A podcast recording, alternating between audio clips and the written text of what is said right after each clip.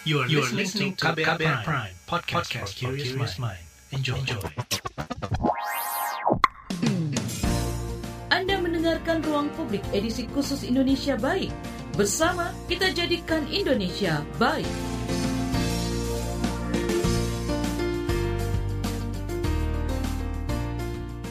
Selamat pagi, kita berjumpa kembali dalam Ruang Publik Indonesia Baik KBR. Dan tema pagi hari ini, gaya asik belajar unik.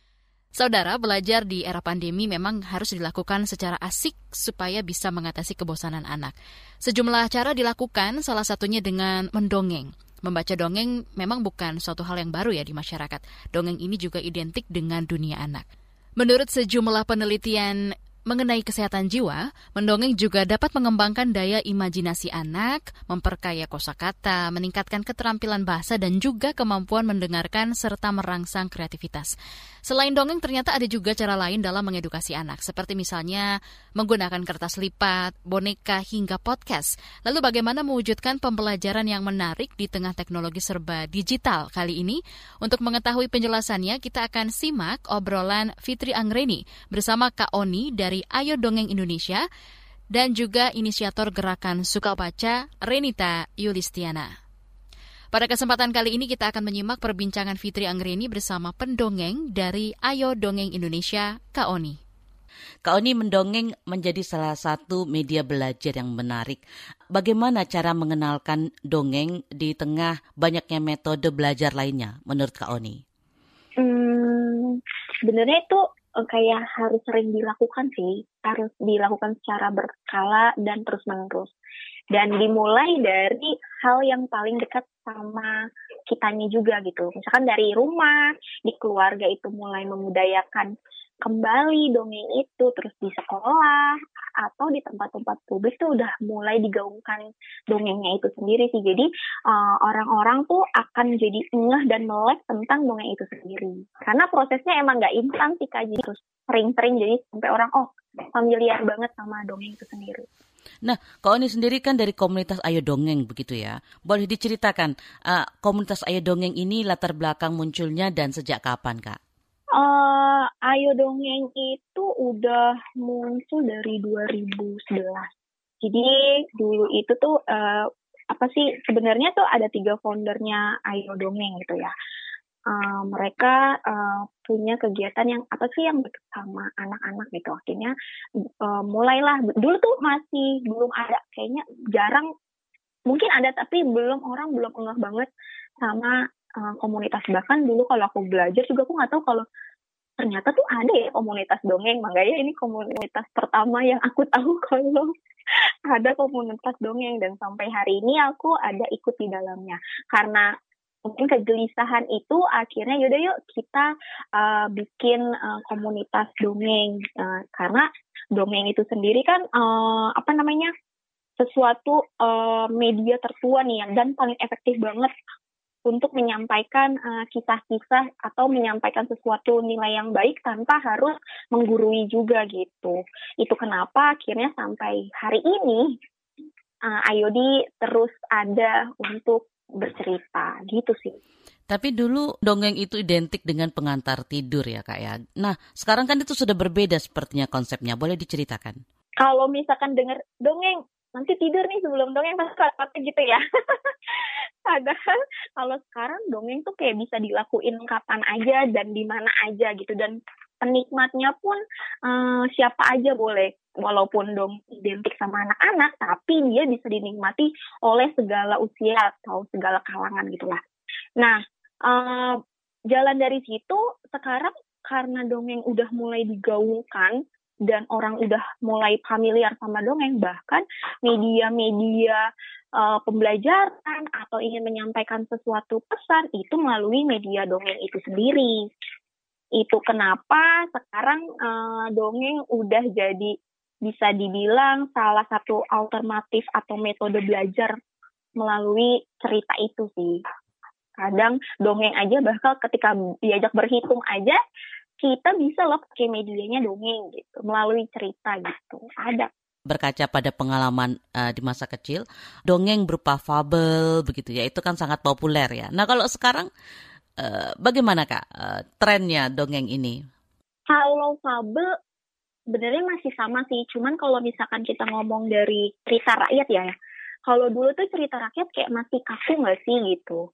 Nah sekarang itu bersyukurlah baru sekarang udah banyak penulis yang sudah mulai merombak gitu atau uh, memperbaiki uh, uh, apa ya isi ceritanya dengan medianya anak-anak banget gitu. Kayak contoh misalkan gini, uh, dulu itu kita tahu timun mas si buto ijonya akan makan timun mas.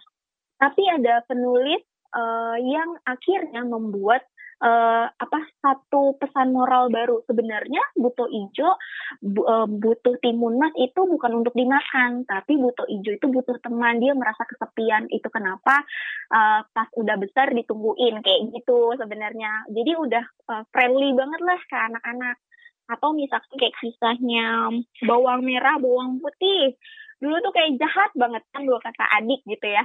Tapi sekarang tuh udah mulai di bukan transisi ya, tapi maksudnya diperbaiki lagi. Jadi ya adik kakak itu pasti ada jail-jailnya, ada berantem-berantemnya gitu. Digambarkan di situ. Tapi kalau dulu kan kayak disiksa gitu ya. Bahkan masih ada beberapa buku dongeng dulu pun masih ada tulisannya disiksa. Sedangkan itu kayak kata yang menurut aku menyeramkan ya menjadi kengerian sendiri terhadap anak-anak. Nah, di situ jadi di, diganti gitu. Gimana sih kejailannya adik kakak misalkan uh, kalau lagi uh, melakukan sesuatu malah dicolek atau diledek gitu. Itu kan maksudnya masih ditemui di keseharian dan kalau misalkan disiksa dulu disiksanya kayak parah banget kalau dibaca lagi. Nah, kalau sekarang tuh cuman kayak uh, si anak ini familiar gak sih sama pekerjaan rumah untuk membantu ibunya di rumah? Tapi dengan misalkan lap lap lap kaca atau misalkan cuci piring nah di kisah itu tuh diganti seperti itu. Bahkan sampai yang labunya kalau dulu ada isinya ulat kalau jengking nah kalau ini tuh isinya permen-permen coklat-coklat nah itu tuh sudah mulai berganti gitu dan itu udah maksudnya ke anak-anak banget dan mereka familiar gitu.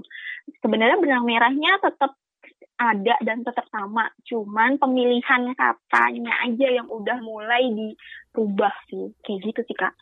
Jadi katakanlah terjadi penulisan ulang begitu ya Mbak ya cerita-cerita iya, lama uh, yang uh, kemudian uh, diubah agar lebih uh, ramah anak begitu kata-kata yang digunakan? Betul, iya kalau digerakkan Ayo uh, Dongeng sendiri itu uh, kegiatan yang dilakukan apa saja kak?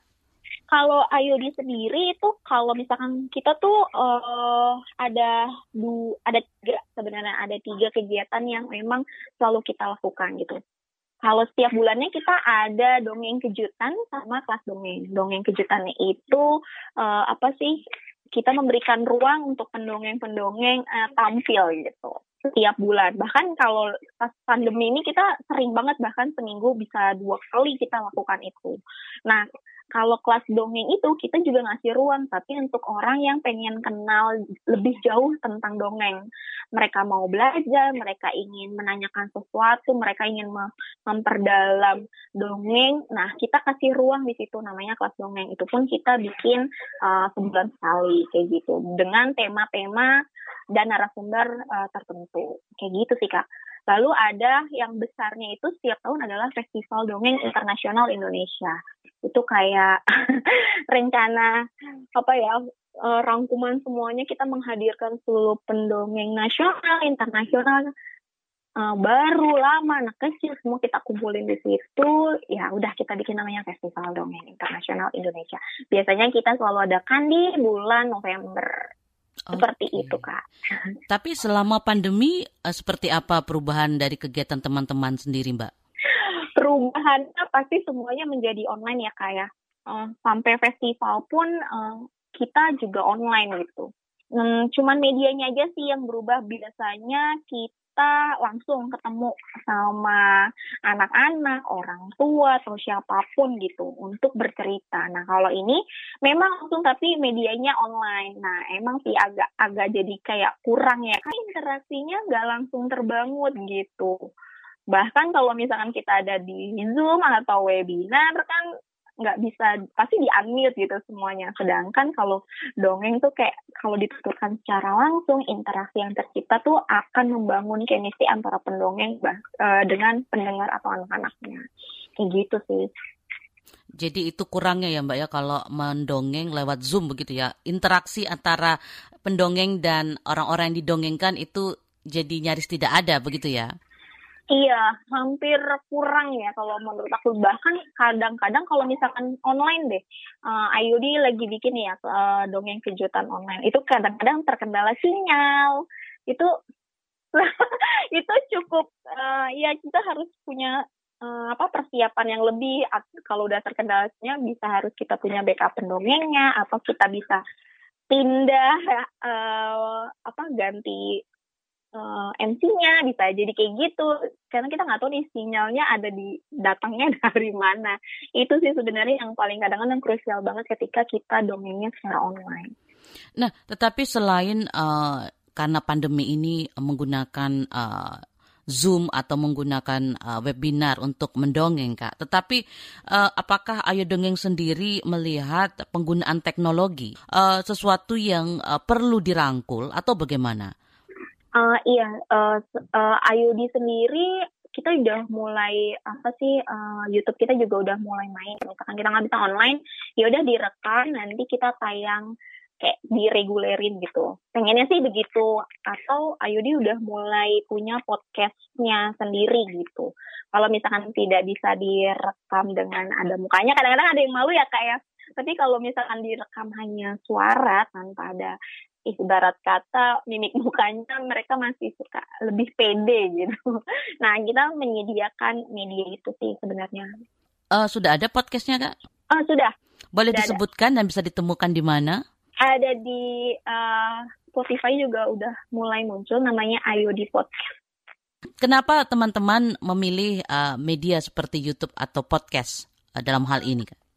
Nah, yang tadi aku bilang kalau misalkan di YouTube tuh kita pengen merambah ke situ sih kak. Terus kan dia uh, rentang waktunya tuh lebih panjang ya dan mau berapa banyak pendongengnya pun hadir dalam satu rangkaian itu bisa tercukupi gitu. Kalau yang podcast tadi yang itu aku bilang kadang orang belum pede banget nih tampil langsung gitu mimik muka gestur kan harus kelihatan. Tapi kalau misalkan di suara, kadang-kadang mereka lebih pede untuk mengirimkan suaranya mereka. Mereka hanya akan bisa mengatur intonasinya mereka gitu, dinamika ceritanya mereka bisa atur gitu. Tapi kalau misalkan uh, di apa di shoot gitu kan pasti semuanya harus main gitu. Nah, ada teman-teman yang belum pede melakukan itu. Nah, itu sih kita ingin uh, sebenarnya orang-orang udah mulai uh, ngehnya di mana jadi semuanya kayak di sini tuh ada di sini ada kalau nggak punya ini uh, kamu bisa ke sini gitu itu sih jadi kayak bisa lebih banyak aja akses untuk ke dongengnya itu sendiri Ruang Publik KBR edisi hari ini adalah rekaman, jadi kami tidak bisa menerima pertanyaan dari pendengar. Jangan ke mana-mana, terus simak Ruang Publik Indonesia Baik. Masih Anda dengarkan Ruang Publik KBR. Commercial break. Commercial break.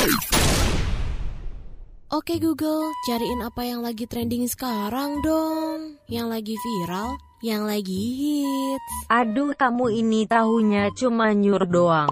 Lah, dia nolak. Aku bilangin Siri nih. Ya sudah-sudah jangan ngambek dong. Kamu cukup buka KBR Prime titik ide, lalu cari what's trending. Semua dibahas tuntas dengan narasumber yang kredibel, jadi bisa buat referensi kamu. Wah iya nih, keren banget ya. Setiap hari lagi. Betul, dari Senin sampai Jumat. Jangan lupa hanya di KBR Prime titik ide atau di aplikasi podcast lain lainnya. Makasih ya Mbah Google. Hei kamu ini, saya masih gadis, kenapa dipanggil Mbah? KBR Prime, podcast for curious mind. Anda mendengarkan Ruang Publik edisi khusus Indonesia Baik. Bersama kita jadikan Indonesia baik.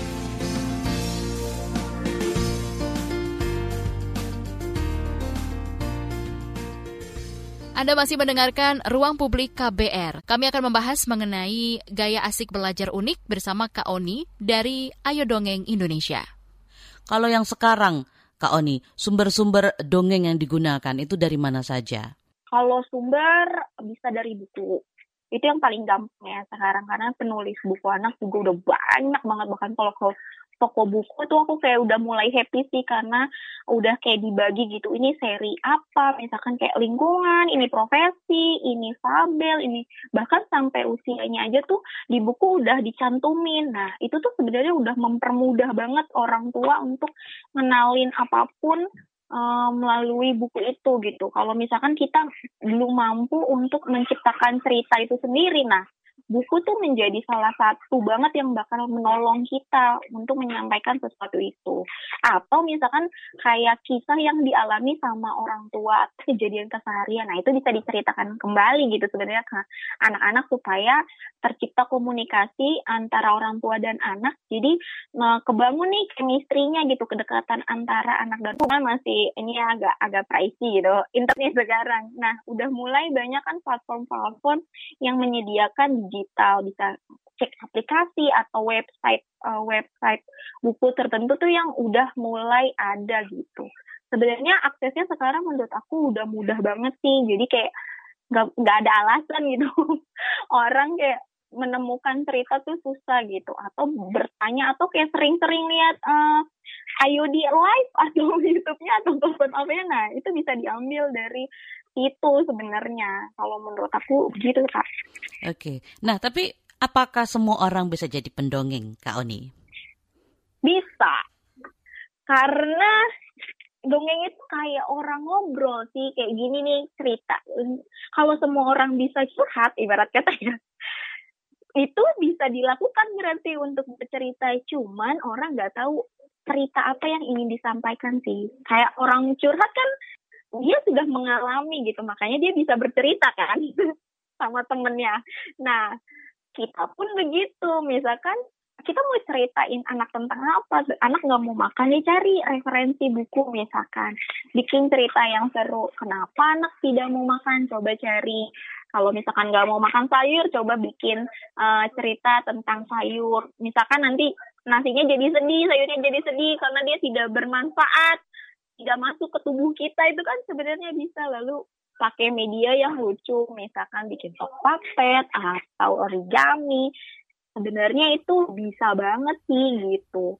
Jadi, Jadi menggunakan uh, alat-alat bantu juga ya kak ya Iya bisa, apalagi kalau di rumah ya eh, pakai botol, alat-alat sekitarnya orang tua atau guru-guru itu bisa dipakai. Misalkan kalau misalkan nih sekarang aku lagi lihat botol nih, botol bisa jadi sesuatu apa sih di imajinasi kita, kita bangun deh tuh.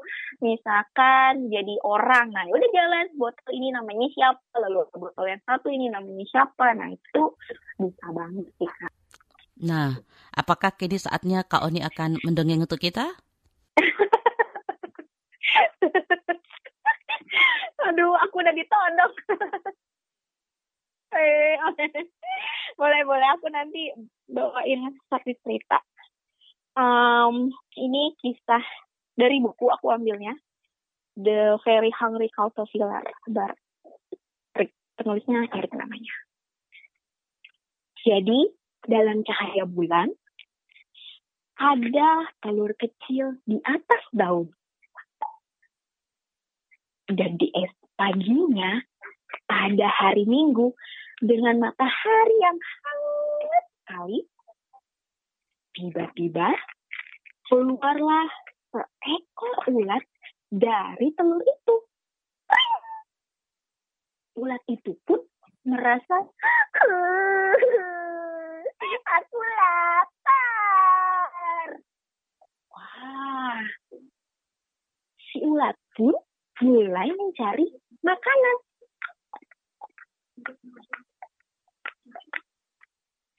Sampai keesokan harinya,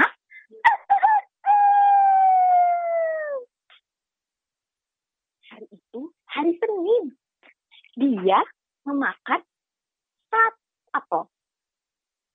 Tapi aku masih lapar. Ulat pun mulai mencari makanannya.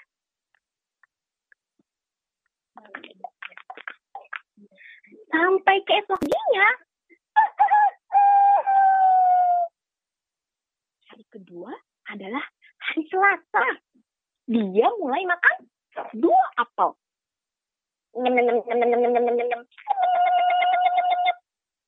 Tapi dia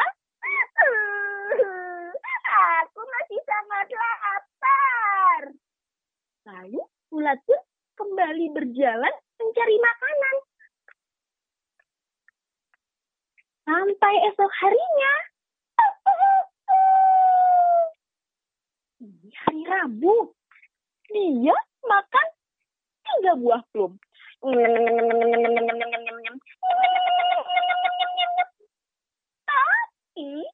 ulat masih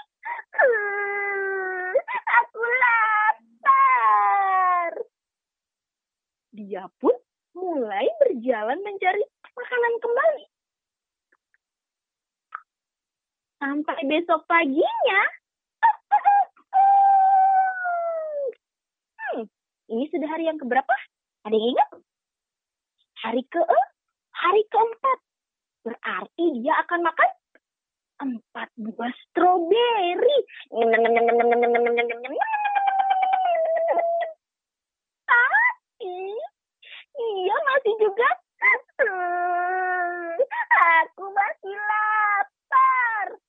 Wah, ulat kembali ber, berjalan untuk mencari makanan. Sampai keesokan harinya, kita bikin suaranya ya. Siap? Ini hari yang keberapa? Lima. Hari kelima hari apa ya? Tadi sudah ada hari apa? Senin, Selasa, Rabu, Kamis, dan hari Jumat. Hari Jumat berarti dia akan memakan lima buah. Kali ini dia makan lima buah jeruk.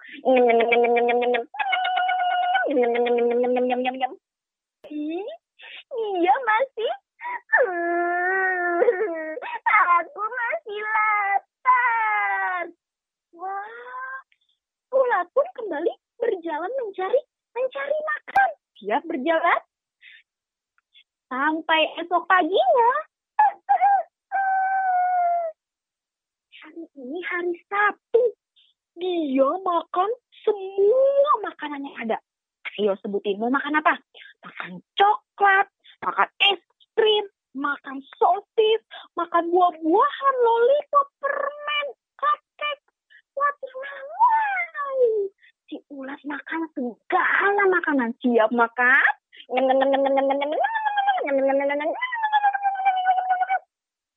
Tapi tiba-tiba aduh perutku sakit wah si ulat merasa kesakitan hari berikutnya adalah hari apa setelah hari Sabtu dia kembali ke yang satu daun hijau yang sangat segar dan setelah itu ia merasa jauh lebih baik. Berikutnya, setelah hari Minggu, hari apa? Hari hari Senin. Wow. Dia bangun, membangun rumah kecil yang biasa disebut kepompong di sekitar tubuhnya. Dia tinggal selama lebih dari dua minggu. Kemudian setelah itu, dia menggigit lubang-lubang kepompong, lalu mendorongnya dan keluar kupu-kupu. Begitulah kisah tentang si ulat yang selalu merasa "Hmm, aku lapar. Begitu ceritanya. Media sosial di mana uh, para pendengar bisa melihat informasi mengenai kegiatan Ayo Dongeng boleh disebutkan? Boleh dong. Ayo Dongeng itu punya berapa platform sih? Tadi kalau Ayo di podcast udah bisa dilihat podcastnya, nanti tinggal searching aja. Kalau di YouTube ada Ayo Dongeng Indonesia, kalau di uh, IG live itu biasanya setiap weekend kita sedang menggaungkan itu bisa lihat di @ayodongeng underscore imd. Nanti kita bisa join di situ. Apa pesan Kak Oni untuk para orang tua di Indonesia, khususnya yang mendengarkan siaran KBR pagi ini mengenai pentingnya manfaat dongeng bagi eh, anak-anak mereka? Uh, aku pengen bilang sama orang tua, ayo uh, kembalikan dongeng ke rumah.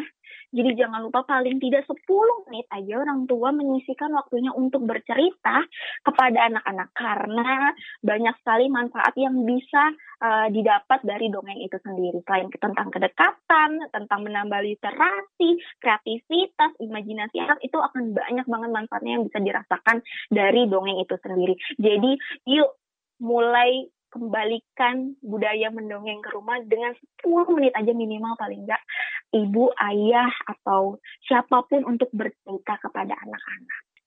Kami ingatkan kembali kalau ruang publik KBR edisi hari ini adalah rekaman, jadi kami tidak bisa menerima pertanyaan dari pendengar. Jangan ke mana-mana. Anda mendengarkan ruang publik edisi khusus Indonesia Baik. Bersama kita jadikan Indonesia baik.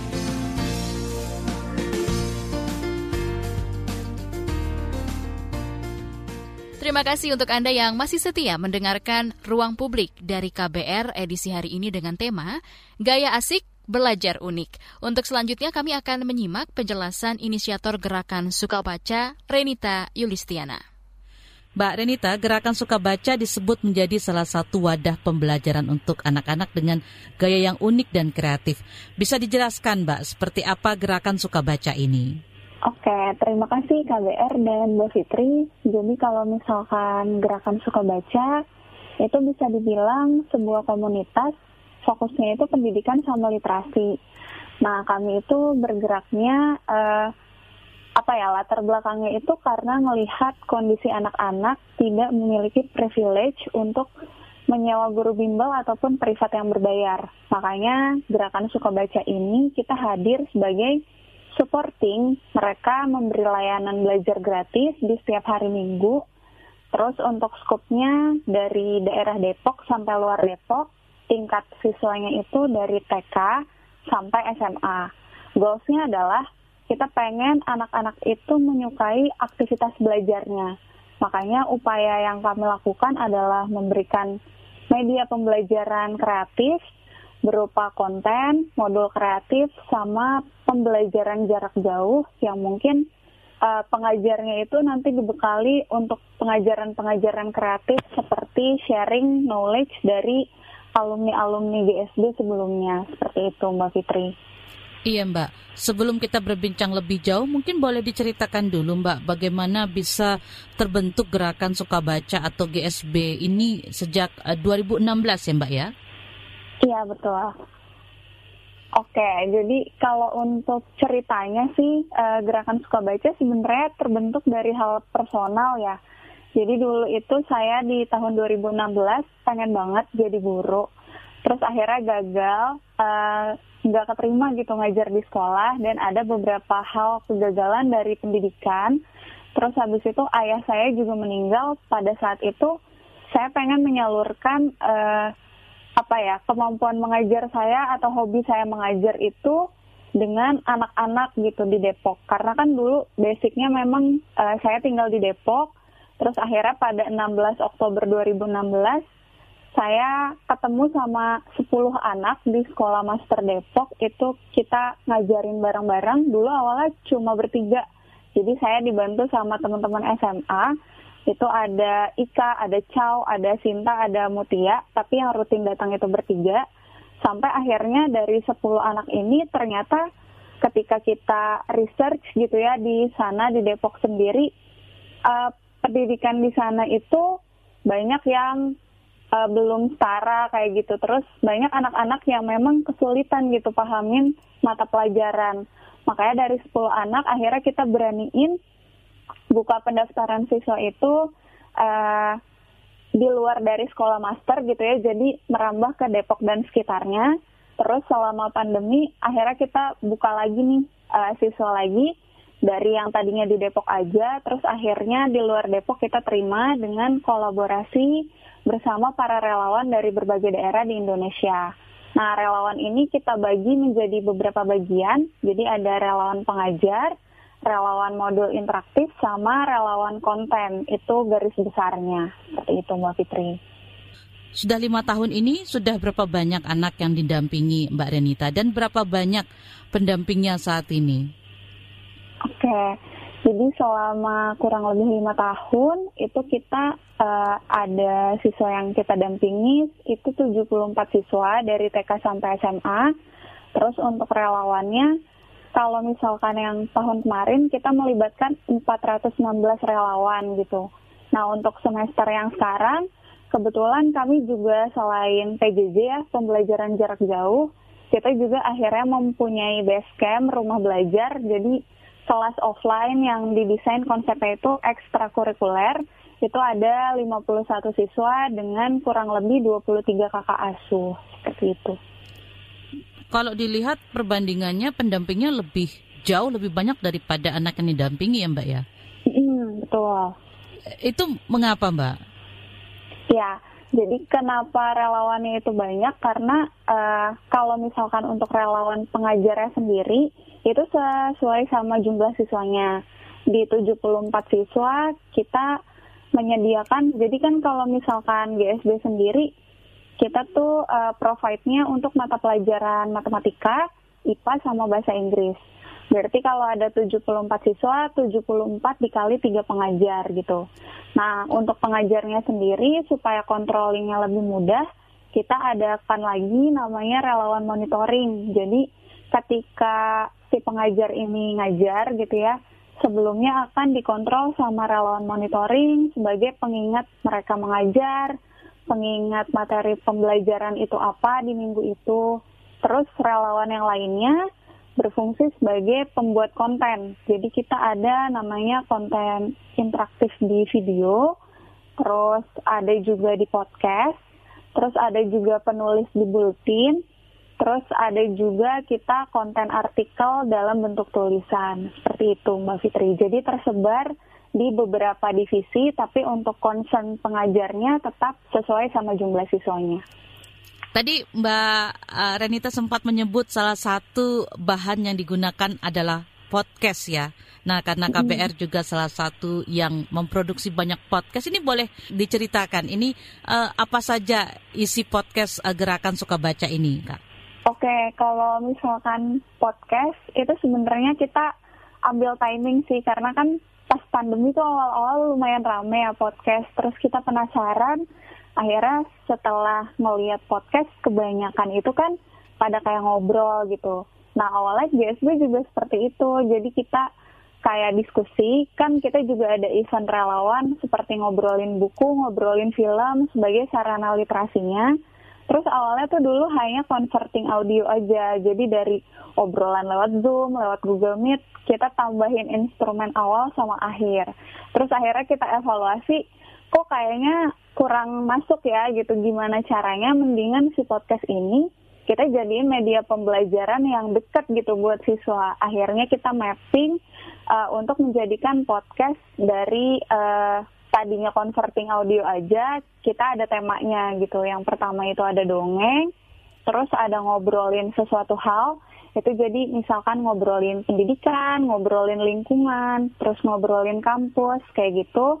Terus ada juga sejarah Indonesia, kita ngebahas tentang biografi tokoh, terus tentang sejarah uh, apa ya, sejarah kemerdekaan Indonesia dan hal-hal yang memang perlu diterjemahkan lah secara lebih mudah untuk anak-anak.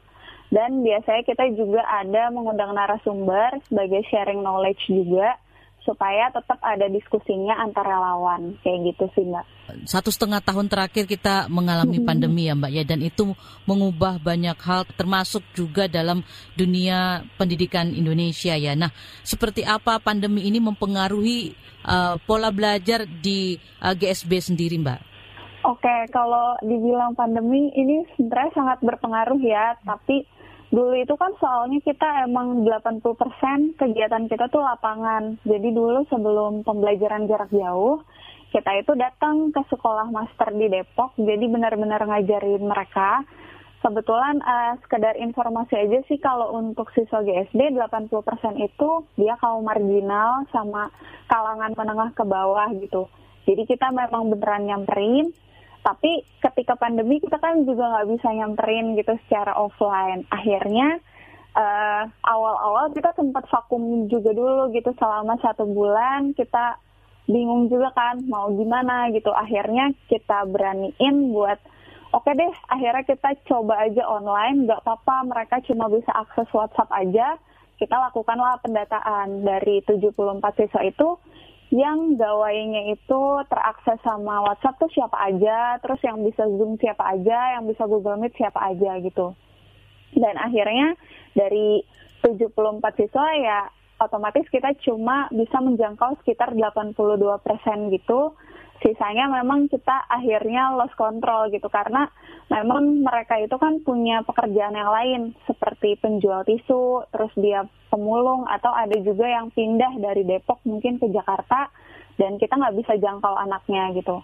Makanya ketika pandemi ini datang, kita melakukan pembelajaran online, akhirnya supaya mengganti uh, mentor apa ya monitoring kita gitu supaya lebih maksimal kita adain yang namanya kunjungan ke rumah siswa mbak selama satu hmm. bulan sekali itu jadi setiap di akhir bulan kita sama relawan datang ke rumah siswa kita tanya kabarnya mereka seperti apa terus kendala yang dihadapin itu seperti apa.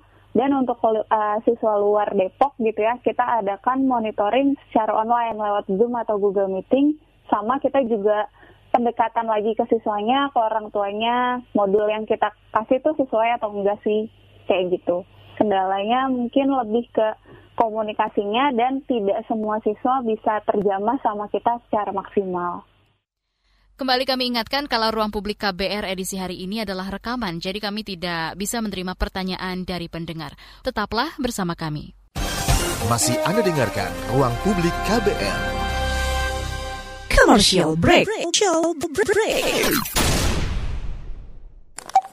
Transfer ke sini udah, bayar ini juga udah. Ke gue udah. Heh, Allah, pertumbuhan ekonomi tuh lagi melambat, persis kayak tabungan gue. Betul banget, harus matang ngelola keuangan. Pengennya tuh investasi sesuatu gitu ya. Apa gitu yang cocok dan menguntungkan? Hmm, coba dengerin uang bicara deh. Gue belakangan lagi dengerin podcast itu di KBR Prime. Reksadana yang tadinya 500 juta udah turun dari 250 juta sekarang 10 ribu. Sama kita ngopi mahalan mana? Ketika itu ada keputusan yang kayak begitu investor harus tahu gitu oh ada keputusan ini berarti implikasinya apa? Orang mungkin perluas literasi kamu lewat podcast Uang Bicara. Uang Bicara menavigasi kamu dengan menghadirkan bahasan-bahasan seru dan populer mulai dari investasi sampai kebijakan dipersembahkan oleh KBR Prime dan bisa didengarkan di KBR Prime, Spotify, dan platform mendengarkan podcast lainnya. KBR Prime, podcast for curious mind. Anda mendengarkan Ruang Publik edisi khusus Indonesia Baik. Bersama kita jadikan Indonesia baik.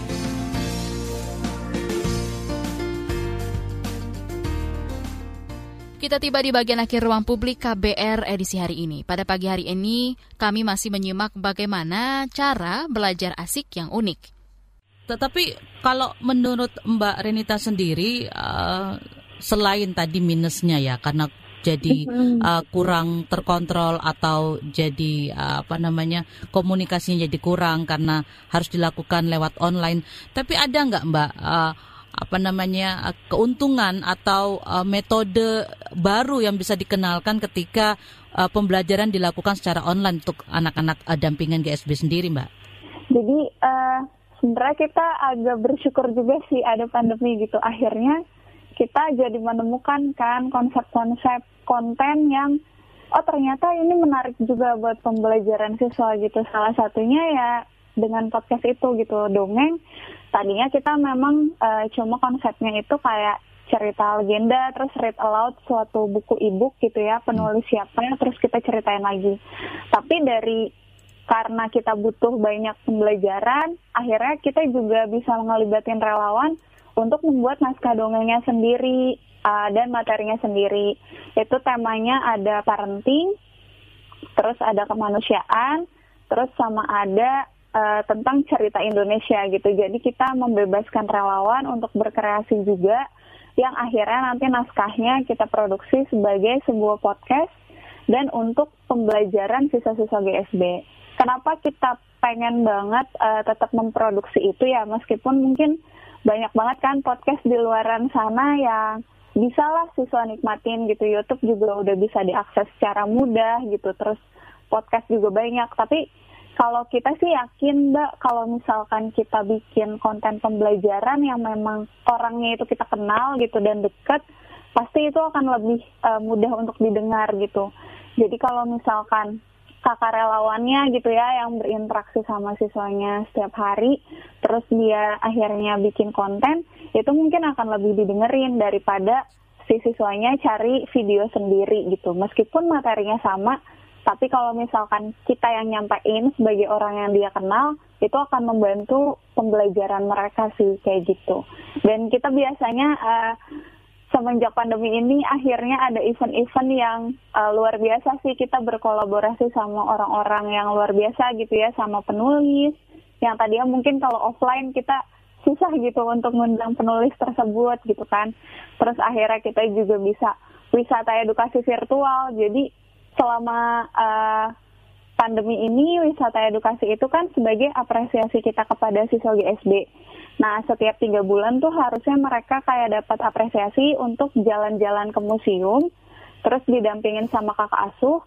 Tapi karena kita nggak bisa jalan-jalan ke museum, kita akhirnya kolaborasi nih sama salah satu platform uh, apa ya perjalanan virtual kita akhirnya bisa keliling Indonesia lewat Zoom dan Google Earth. Jadi tetap dapat edukasinya meskipun uh, secara online kayak gitu sih Mbak. Dan juga ini juga memungkinkan membuka peluang para pendamping tidak hanya berada di Depok dan sekitarnya, tetapi juga Betul, dari seluruh iya. Indonesia iya. ya Mbak ya? Iya benar Mbak. Jadi uh, sebenarnya di tengah kesulitan uh, akibat pandemi yang kita alami sebenarnya banyak hal-hal lain yang bisa dimanfaatkan atau uh, membuka kesempatan lain ya Mbak ya selama kita bisa melihat peluang-peluang tersebut ya.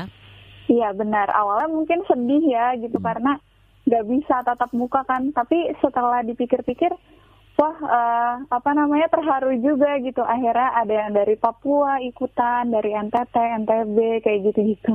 Tapi apakah uh, kemudian juga uh, persoalan gawai yang banyak mm-hmm. dikeluhkan uh, para siswa ketika uh, pembelajaran jarak jauh terjadi? Apakah ini kemudian uh, bisa diatasi oleh teman-teman di GSB Mbak? Seperti apa? Oke, jadi kalau untuk masalah gawai, uh, kalau kita sih ada buat kategorinya. Jadi yang pertama itu mereka punya gawai tapi mereka uh, hanya ada platform WhatsApp aja gitu. Jadi otomatis ya kita infokan ke pengajarnya kalau mereka cuma bersedia atau bisa diajarkan lewat WhatsApp aja.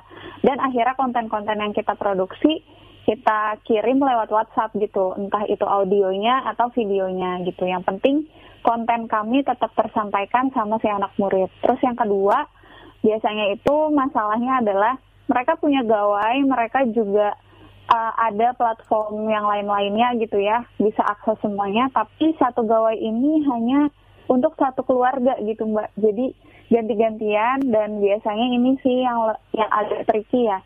Kita antisipasinya itu biasanya janjian belajarnya ya udah gitu di waktu yang sama. Jadi setiap hari Minggu misalkan jam 10 oke okay, mereka belajar jadi handphonenya dipinjemin dulu sama keluarganya untuk belajar gitu.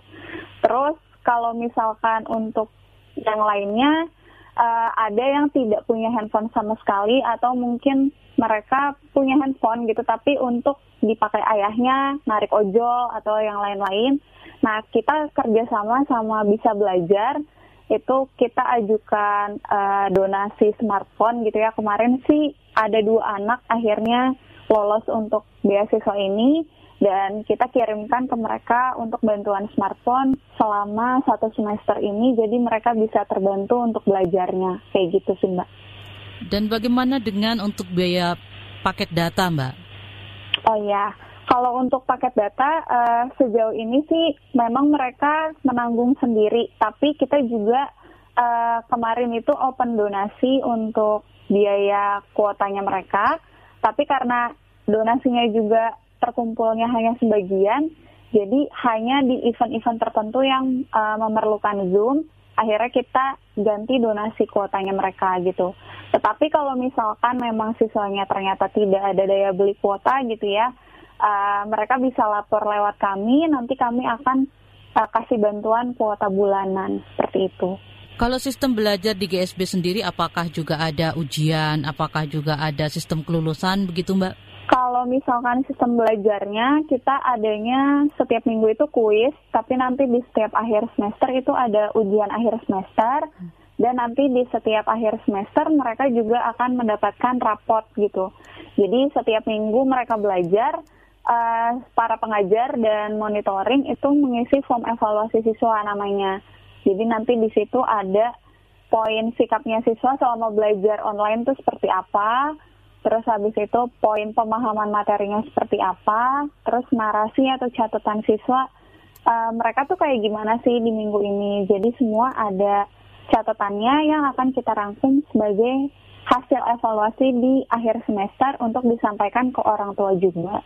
Tadi kan disebutkan bahwa para pendamping kakak asuh itu dengan sistem online ini kemudian memungkinkan untuk uh, datang dari berbagai daerah. Apakah ini juga membuka peluang bahwa anak dampingan, anak asuh juga akan berasal dari uh, daerah lain di luar uh, saat ini yang tadi disebutkan Depok dan sekitarnya, Mbak Renita?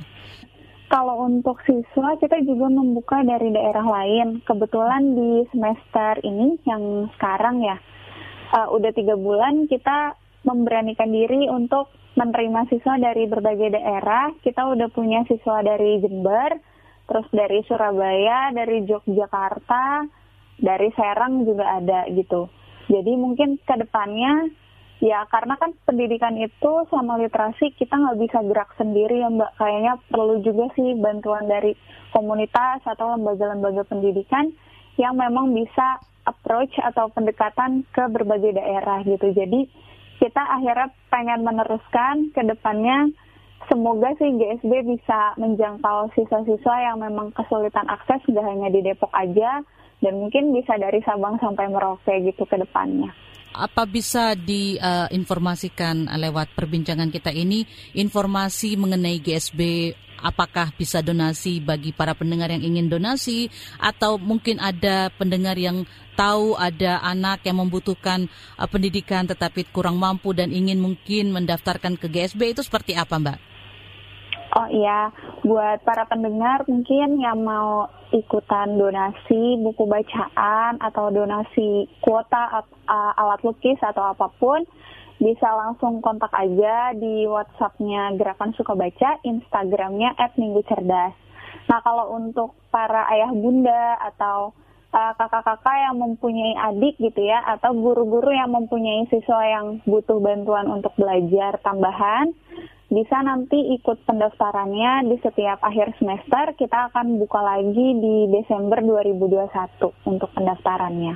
Jadi bisa dipantau aja di Instagram @minggucerdas. Seperti apa Anda melihat pentingnya menggunakan metode pendidikan yang kreatif seperti podcast dan dongeng untuk menambah semangat anak-anak dalam belajar? Jadi kalau misalkan menurut saya uh, dongeng itu adalah suatu media belajar yang menyenangkan gitu. Karena karena kan dari storytelling ya atau kita ngebaca cerita kita ngedengerin cerita gitu. Uh, dengan cerita anak-anak menurut pengalaman saya itu tidak terkesan di, digurui gitu. Jadi kalau misalkan anak-anak atau kita sendiri deh dibilangin uh, dengan dengan omelan gitu ya pastinya kan akan lebih uh, sebel gitu. Tapi kalau misalkan kita dengar cerita atau baca cerita mereka akhirnya refleksi sendiri oh ternyata nggak boleh kayak gini ya. Oh ternyata nggak boleh kayak gitu.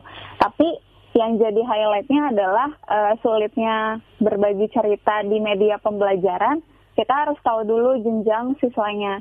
Mungkin kalau dongeng-dongeng kayak fabel atau cerita hewan terus cerita-cerita legenda udah cocoknya itu di TK sampai SD gitu. Ketika masuk ke jenjang SMP sama SMA mungkin mereka agak kurang minat gitu. Ada beberapa yang minat tapi mungkin hanya sedikit gitu. Jadi kalau untuk SMP sama SMA kita juga harus pilih topik yang mungkin relatable gitu sama mereka ngebahas tentang hal-hal yang emang mereka minati seperti hobi dan lain-lain tapi tetap kita masukin kayak pesan-pesan moral di dalam ceritanya itu sih kak paling yang menjadi tantangan dan serunya kenapa dongeng itu bisa dijadikan media pembelajaran yang kreatif. Demikian Ruang Publik KBR edisi kali ini dengan tema Gaya Asik Belajar Unik. Dan bagi Anda yang tidak sempat mendengarkan siaran ini secara utuh, Anda bisa dengarkan kembali di podcast kbrprime.id, lalu pilih Ruang Publik. Terima kasih untuk kebersamaan Anda pagi ini. Saya Naomi Liandra undur diri. Salam.